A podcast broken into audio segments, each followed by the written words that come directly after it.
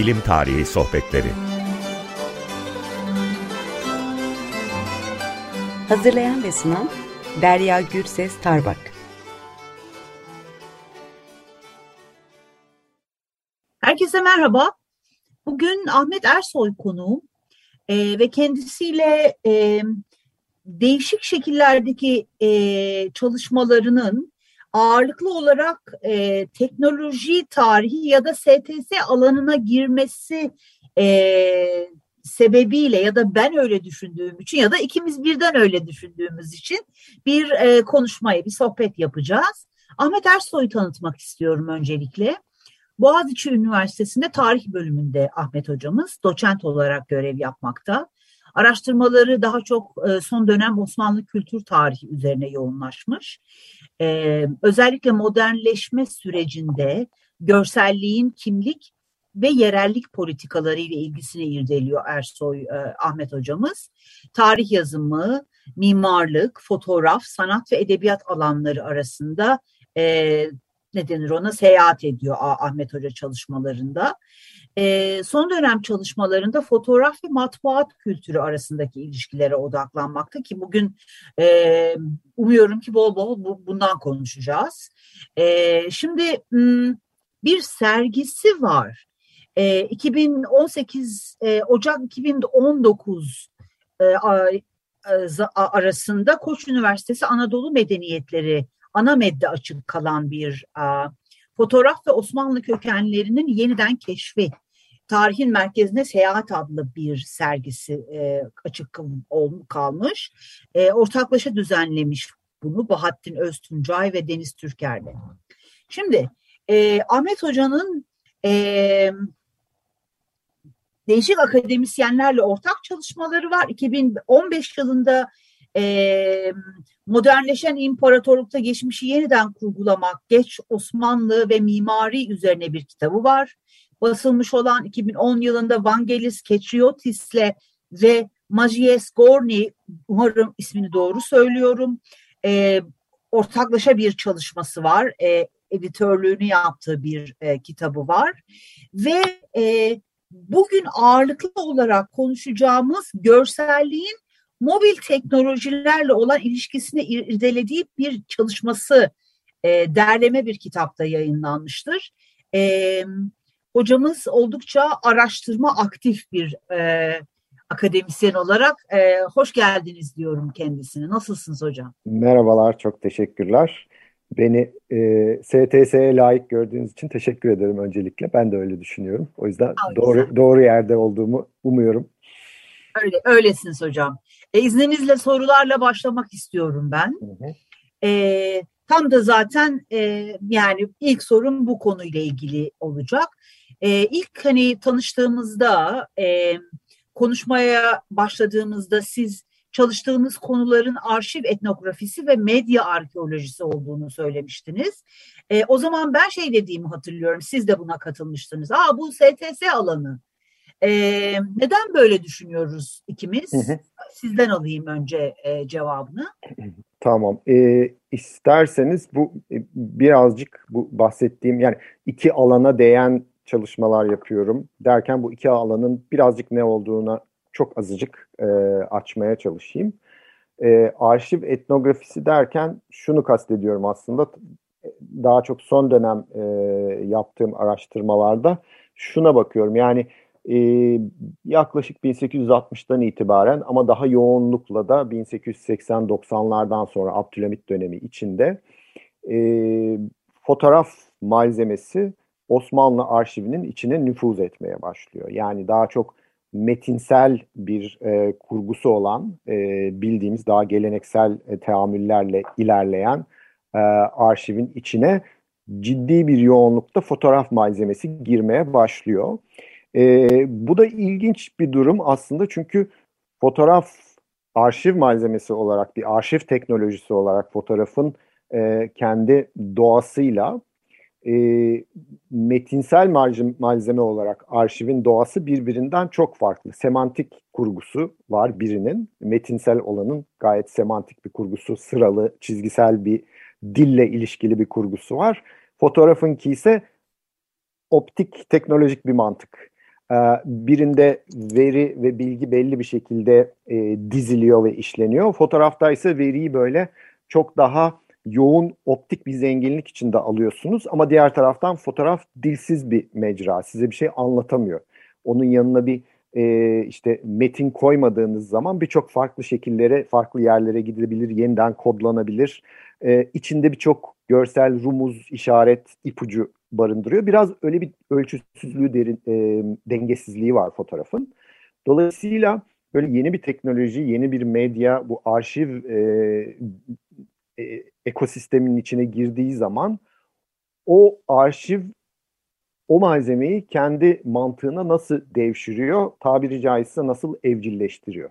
Onu anlamaya çalışıyorum. Fotoğraf makinesi, fotoğraflar çok yoğun olarak e, arşivin içine girdiği ölçüde o malzeme arşivin altyapısal mantığıyla nasıl özdeşleştiriliyor, nasıl yediriliyor onun içine.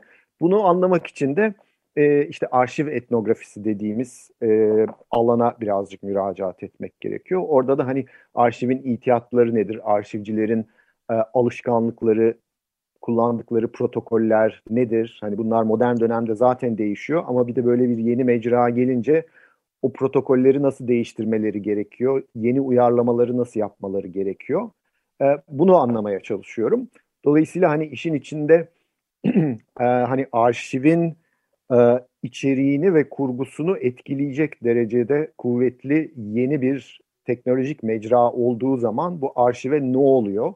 Yu anlamak gibi bir derin soru var. O yüzden o bakımdan bence hani teknoloji tarihine arşiv deyince böyle insanın aklına çok teknoloji gelmiyor olsa da özellikle bu yeni medyanın arşivin içine nüfuz e, etmesi durumunda gerçekten bir teknoloji tarihiyle de ilişkili bir e, takım sorular ortaya çıkıyor. O bir tarafı. E, ikinci tarafı da medya arkeolojisiyle e, ilişkili demiştim. O da daha çok e, yani fotoğrafın kendi doğasından 19. yüzyıl için yeni bir medya oluşundan hareketle özellikle demin de dediğiniz gibi hani matbuat alanında fotoğrafın fotoğrafsı görsel malzemenin e, birdenbire o matbuatı nasıl çiçeklendirdiğine bakıyorum. Özellikle de 19. yüzyılın sonlarındaki bu resimli dergiler, Servet-i Fünunlar, Malumatlar, Marifler falan gibi dergilerde fotoğrafın o dergi bağlamına girdiği zaman nasıl yeni görme ve okuma pratikleri doğurduğuna anlamaya çalışıyorum. Medya arkeolojisi denilen alan da yeni bir alan ama tam da bunu yapmaya çalışıyor. Teknolojinin insan olmayan bir fail olarak, bir aktör olarak e, tarihsel bağlam içinde nasıl rol aldığını, nasıl etkin bir rolü olduğunu anlamaya çalışıyor. Benim de niyetim e, dergi ve okuma ve matbuat kültürü içinde fotoğrafın yoğun olarak ortaya çıkışının okuma pratiklerine e, ve anlama ve görme şekillerine olan e, etkisi. Dolayısıyla hani o medya arkeolojisi, arkeolojisi çerçevesinden arşivde yaptığım gibi birazcık dergiler bağlamında da bilginin bilgiye ulaşım, bilgiyi depolama ve onu işleme e, şekillerine fotoğrafın nasıl etki ettiğini anlamaya çalışıyorum. İkisi bir anlamda birleşiyor arşivle evet. dergiler dediğimiz alan. Umarım çok ee, uzat uzatmadan. Hayır hayır kesinlikle e, çünkü şey şimdi bilgi e, tarihiyle ilgili bir soru sormak istiyordum ben size. Yani bu Abdülhamit zamanından diye hatırlıyorum. Doğru değil mi? Evet. Görsel malzemenin ağırlıklı Hı-hı. olarak evet. a, değişik coğrafyalardan toparlanıyor olması. E, bir şekilde bilginin sadece edinilmesinden çok kategorik olarak da bir amaca hizmet ediyor olması, e, bir bilgi toplama pratiği var ama hı hı. E, sebebi ne? Soru bu. Evet, e, yani biraz daha m, somutlaştırırsak e, belki daha kolay anlatabilirim. Mesela bunu şey üzerinden düşünebiliriz. Şimdi Abdülhamit döneminde e, ilginç bir şey oluyor. Yani Tanzimat döneminde daha çok bu Babali çevresinde odaklanmış olan bürokratik aygıt Abdülhamit Yıldız'a e, Yıldız'da işte bütün idareyi konumlandırdığı zaman Yıldız'a doğru kayıyor. Tabii ki yok olmuyor Babali ama merkez ve odak Yıldız oluyor.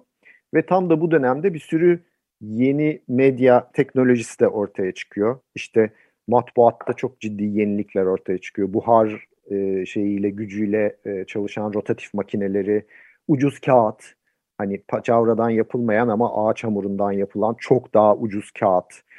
Telgraf zaten var ama işte böyle hani şifreli telgraflar, e, fotoğraf, daha sonra fonograf falan filan gibi bir sürü bu yeni medyanın e, ham veri olarak bu merkeze, arşive aktığını görüyoruz.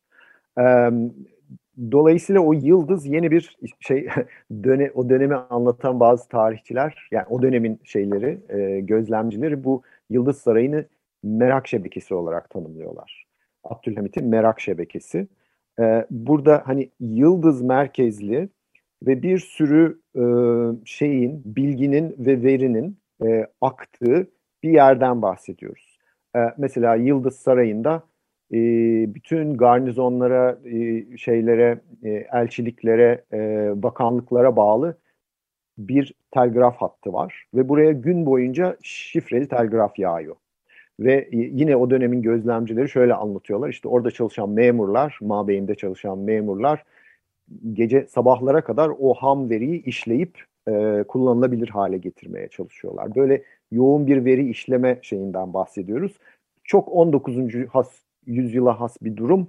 Hani bir e, yığınsal bir veri akışı var e, ve sizin derdiniz bu veriyi işleyebilmek. Çok yani ne bileyim hani CIA'ye bugün bütün dünyadan akan günde 3 milyon gelen e-mailin e, bir şekilde işlenebilmesi gibi bir şeyi düşünün, e, vakayı düşünün. Onun tabii ki çok daha küçük bir ölçeklisi.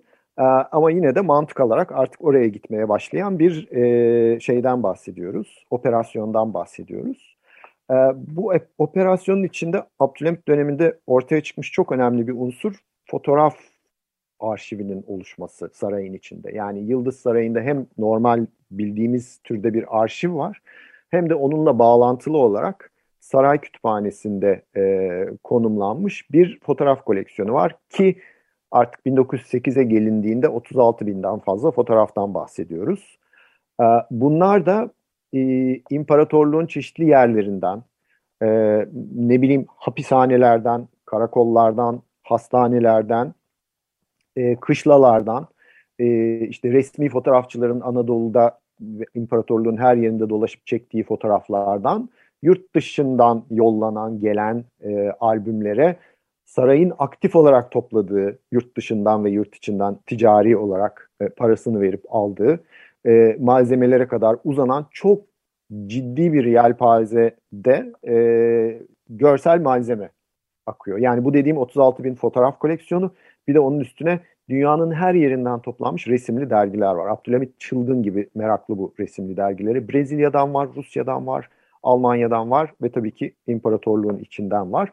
Bütün bunlar böyle çok e, parçalı, ham e, veriler olarak saraya akıyorlar. E, yani bu tam anlamıyla 19. yüzyıl e, deyimiyle şey malumat yani information kelimesi 19. yüzyılda yeni bir anlam kazanıyor.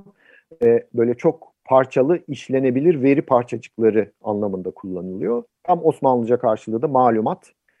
Abdülhamit'in desteklediği çok önemli bir resimli derginin adının da malumat olması dolayısıyla çok e, tesadüf değil. Ama dolayısıyla hani söylemeye çalıştığım şey saray bu malumat ağının merkezinde duran e, bir bürokratik aygıt olarak e, e, şey yapmaya başlıyor, davranmaya başlıyor. Ve benim anlamaya çalıştığım şey de e, biraz dediğiniz gibi hem imparatorluğun dört bir tarafından gelen bilginin hem de dünyanın dört bir tarafından gelen bilginin buraya akıp e, sonra nasıl kodlandığı, nasıl tasniflendiği, nasıl biriktirildiği ve bunu da bir şekilde bir e, şey gibi görüyorum yani ben çok 19. yüzyıla ait ait bir epistemoloji, bir e, yığınsal veri üzerinden bir bilgi hakimiyeti e, ve vizyonu e, oluşmuş oluyor. Yani hem e, imparatorluğa nüfuz ettiğinizi düşünüyorsunuz. Doğrudan ve hızlı bir gözlem kapasitesi veriyor size fotoğraf. Bilmem işte Palu'nun işte bir köyündeki göçerlerin fotoğrafları geliyor mesela saraya ve dolayısıyla böyle çok derinlemesine bir gündelik hayata dair bir nüfuz hissi ve kontrol hissi veriyor size fotoğraf. Diğer taraftan da işte ne bileyim Amerika'daki yerlilerle ilgili e, şeydeki Orta Amerika'daki Maya kazılarıyla ilgili fotoğraflar, albümler, e, koleksiyonlar da geliyor. İşte Amerikan Cumhurbaşkanı'na neredeyse yalvarıyor Abdülhamit ki bana bol bol işte Kızılderililerin hayatlarıyla ilgili etnografik bürodan e, fotoğraf gelsin diye ve geliyor. E, dolayısıyla bütün bu verilerle hem imparatorluk içinde kendini konumlandırıyor, imparatorluğu dünya içinde konumlandırıyor ve dünya ile ilgili bir e, gözlem diyeyim ve kontrol hissi, en azından bilgiyi kontrol hissi edinebilmeye e, çalışıyor. E, bu, böyle çok ana hatlarıyla operasyon bu. E, e, arada e, benim söyleyeceğim bir şey var. Bu çok ilginç. E, bu um, fotoğraf olarak değil ama e, 18. yüzyıldaki ansiklopedi geleneği e, hı hı. bunu bana bu, yani onu hatırlattı. Bilginin Doğru. kategorize edilmesi, depolanması ama aynı zamanda naturalize edilmesi de e, hı yani naturalizeden kastım hani kendinin yapmak e, ve Aha, onu evet. e, ve onu e, ne denir ona sonra kendinin bir e, ideolojik üretimi gibi bir, bir de pazarlamak hani. Aynen öyle. Yani burada ilginç olan mesela tam söylediğiniz gibi mesela diyelim ki e, şeyler imparatorluktaki bütün askeri e, personelin teker teker fotoğrafları var. Hani bu şimdi e, İstanbul Üniversitesi'nde olan şeye bakarsanız bu Abdülhamit koleksiyonlarına bakarsanız e, aslında ciddi bir kısmı çok sıkıcı. Yani böyle bir asker, ondan sonra başka bir asker, başka bir asker, grup askerler falan filan. Ama hani burada oradaki ham bilginin bir şekilde serileştirilerek yani e, seriyalize edilerek ve tasniflenerek belli kategorilere ayrılarak dediğiniz gibi evcilleştirilmesi, kontrol edilmesi ve kendinden e, ediniliyor olması e, diyeyim gibi bir durum var. Ama sanırım 18. yüzyıldan farkı şu, e, bir aşırı bir yoğunluk var. Yani bir ihtiyaç fazlası durum var burada. E, yani sizin belirlediğiniz kategorilerin içini dolduran verileri alıp toplamıyorsunuz. E, neredeyse sizin kontrolünüzün dışında ucu açık güncellenebilir bir veri toplama misyonu ve projesi var ortada. Mesela bakanlıklar veya karakollar sizin ısmarlamanız olmadan, siz o işi ihale etmeden gidip veri topluyorlar, fotoğraf topluyorlar sürekli saraya yolluyorlar. Ve saraydaki e, kütüphanecilerin katalog kayıtlarından bunu izini sürmeye çalışıyorum. Gündelik olarak acayip birbiriyle uyuşmaz. Çok yoğun ve çok ham veri geliyor. E, ve onlar bunu alıp bir şekilde bu ihtiyaç fazlası aşırı e, veriyi e, bir şekilde arşivin mantığının içine yerleştirmeye çalışıp stoklamaya, yedeklemeye, derlemeye e, çalışıyorlar. Ama e, kaçınılmaz olarak ve hani modern arşivin tanımlayıcı unsurlarından biri belki bu. Kaçınılmaz olarak ciddi bir veri çöplüğü var işin içinde. Yani hiç kullanmayacağınız e, ciddi anlamda bilgiler var. Ciddi bir ihtiyaç fazlası var. Bunu ben hep şeye benzetiyorum. Hani bizim bilgisayarlarımızdaki her birimizin, birimizin kişisel bilgisayarındaki fotoğraf koleksiyonları gibi. Hani hep böyle tasnif etmeye tatilde e, ümitleniriz, bir türlü yapamayız. Bir İçinde bir sürü, bir sürü çöp vardır içinde ama tam bu işte modern arşivin mantığı. Oradaki e, sanıyorum beklenti hani gün olur bir şekilde şu malzemeyi şu sebeple kullanıyor olabilirim. E, bu fotoğraf arşivinin de öyle e, kurgulandığını görüyorum. Yani burası böyle durağan bir depo değil. Hani alıp fotoğrafları atıp sonra unutmuyorlar. Gayet aslında devingen e, ve e, güncellenip yeniden yeniden kullanılan bir arşiv olduğunu görüyorum. Mesela çok bu resmi fotoğrafçıların çektiği çok kötü fotoğraflar da var. Yani herhangi bir ticari fotoğraf stüdyosunda hemen çöpe atılacak fotoğraflar. Saraya geldiği zaman hiç de çöpe atılmıyor. Altına altyazısı yazılıyor, kenarına notları alınıyor. Arşiv formatına büründürülüyor, yazıyla birleşiyor, paspartulanıyor, tasnifleniyor, e, kutulara konuyor. E, çünkü bir noktada işe yarayabilir. Belki o Eskişehir'deki bir şoseyi e, size gösteriyor ve gün gelecek onu belki kullanacaksınız. E, aynı mantıkla hani bazen böyle arşivde 10 sene duran malzemenin, fotoğraf malzemesinin derlenip işte Library of Congress'e yollandığını görüyorsunuz. Bismarck'a yollandığını görüyorsunuz. Bazen de Osmanlı veya Avrupa gazetelerine bakın şu şu şu konuda şöyle bilgilerimiz var diye yollandığını görüyorsunuz. Yani dış dünyayla e, dışarıdaki medya e, iklimi ve atmosferiyle çok daha dinamik ilişkisi olan hem oradan alan hem oraya veren e, arada duvarların pek olmadığı geçirgen bir e, medya alışverişinin olduğu bir iklimden bahsediyoruz. Dolayısıyla hani e, ansiklopedik evet ama çok daha çılgın bir şeyden bahsediyoruz. Hani böyle veri veri çokluğu ve veri çöplüğüyle tanımlanabilen belki bilmiyorum anlatabildim? Evet. Yok çok iyi e, çok iyi oldu. Ben de bir merak sorusu sormak istiyorum. Sonra yalnız süremiz e, bitmek üzere. E, acil bir son soru soracağım size. Malumat dediğiniz Hı-hı. kelimenin etimolojisinde kategorize olmayan bilgi diyebilir miyiz malumata ya da? Ee, yani etimolojik olarak değil ama hani o, o dönem açısından anlamı anlamı e, o. Evet, hmm. etimolojik olarak ilimden hani bilgiden geliyor tabii ki. Doğru, haklısınız. Evet, evet. Ee, ama evet, yani ayrışık, fragmenter, parçalı ve ham diyebileceğimiz bilgi parçası. Ve hani tamam. benim gördüğüm 19. yüzyıldaki bilgi e, atmosferi, ortamı, iklimi böyle bir şey. O ham parçaların sürekli deveran ettiği, çok devingen olduğu evet. e, bir, bir, bir bilgi ortamından bahsediyoruz. Siz de onu bilgiyi sentetik olarak işlemeye çalışıyorsunuz belli şekillerde. Anladım. Ee, şimdi Ahmet Hocam e, son sorum şu olacak. Yani bu minvalde mi devam edecek çalışmalarınız? E, bundan sonraki yayın planlarınızla ilgili bize bir şeyler söyler misiniz? Sizi takip etmek isteyen dinleyicilerimiz hakkında yani siz çalışmalarınız hakkında fikir sahibi olsunlar. Evet, şimdi mesela bu konuştuğum hani arşiv meselesi üzerine yani bu Abdülhamit'in görsel arşivleri üzerine bu işte Osmanlı şeyi e, Anamet'te yaptığımız e, serginin e, eş küratörü olan Deniz Türker'le birlikte yazdığımız bir yazı var. Bu Cemal Kafadar için yayınlanacak bir e, Fast Trip e, Armağan kitabında yayınlanacak. O, o pek yakında umuyorum çıkacak. Yani şey gibi bir başlığı var. Abdülhamit Arş, Görsel Arşivleri Kullanmak Kılavuzu e, diye. Bu arşivin e, medya e, sal ve mekansal mantığı nedir? E, onu anlamaya çalışıyoruz. E, onun dışında da yani daha büyük projem e, dergiler, resimli dergiler özellikle de Servet-i e, üzerine birazcık daha derinlikli bir çalışma olacak. Umuyorum bir e, kitap olacak.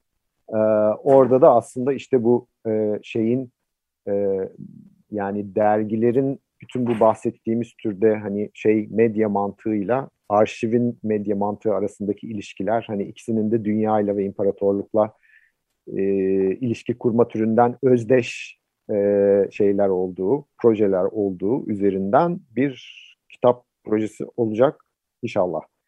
Harika. Evet. Gerçekten harika. Ee, hocam size çok teşekkür ediyoruz. Ee, yani bu e, daha önceki daha önceki programları dinlediniz mi emin değilim ama e, bu e, yeni se, yani sezonda e, araştırma ağırlıklı e, konuşmalar, sohbetler yapıyoruz. O yüzden bugün bana çok iyi geldi. Çok mutlu oldum sizinle tanıştığıma ve konuştuğuma. Ben de bir mukavele Selamlar çok ve ederim. sevgiler. Çok çok teşekkür ediyorum. Görüşmek üzere. Görüşürüz. Herkese iyi bir gün diliyoruz.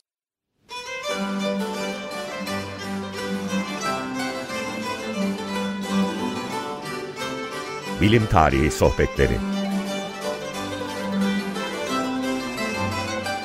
Hazırlayan ve sunan Derya Gürses Tarbak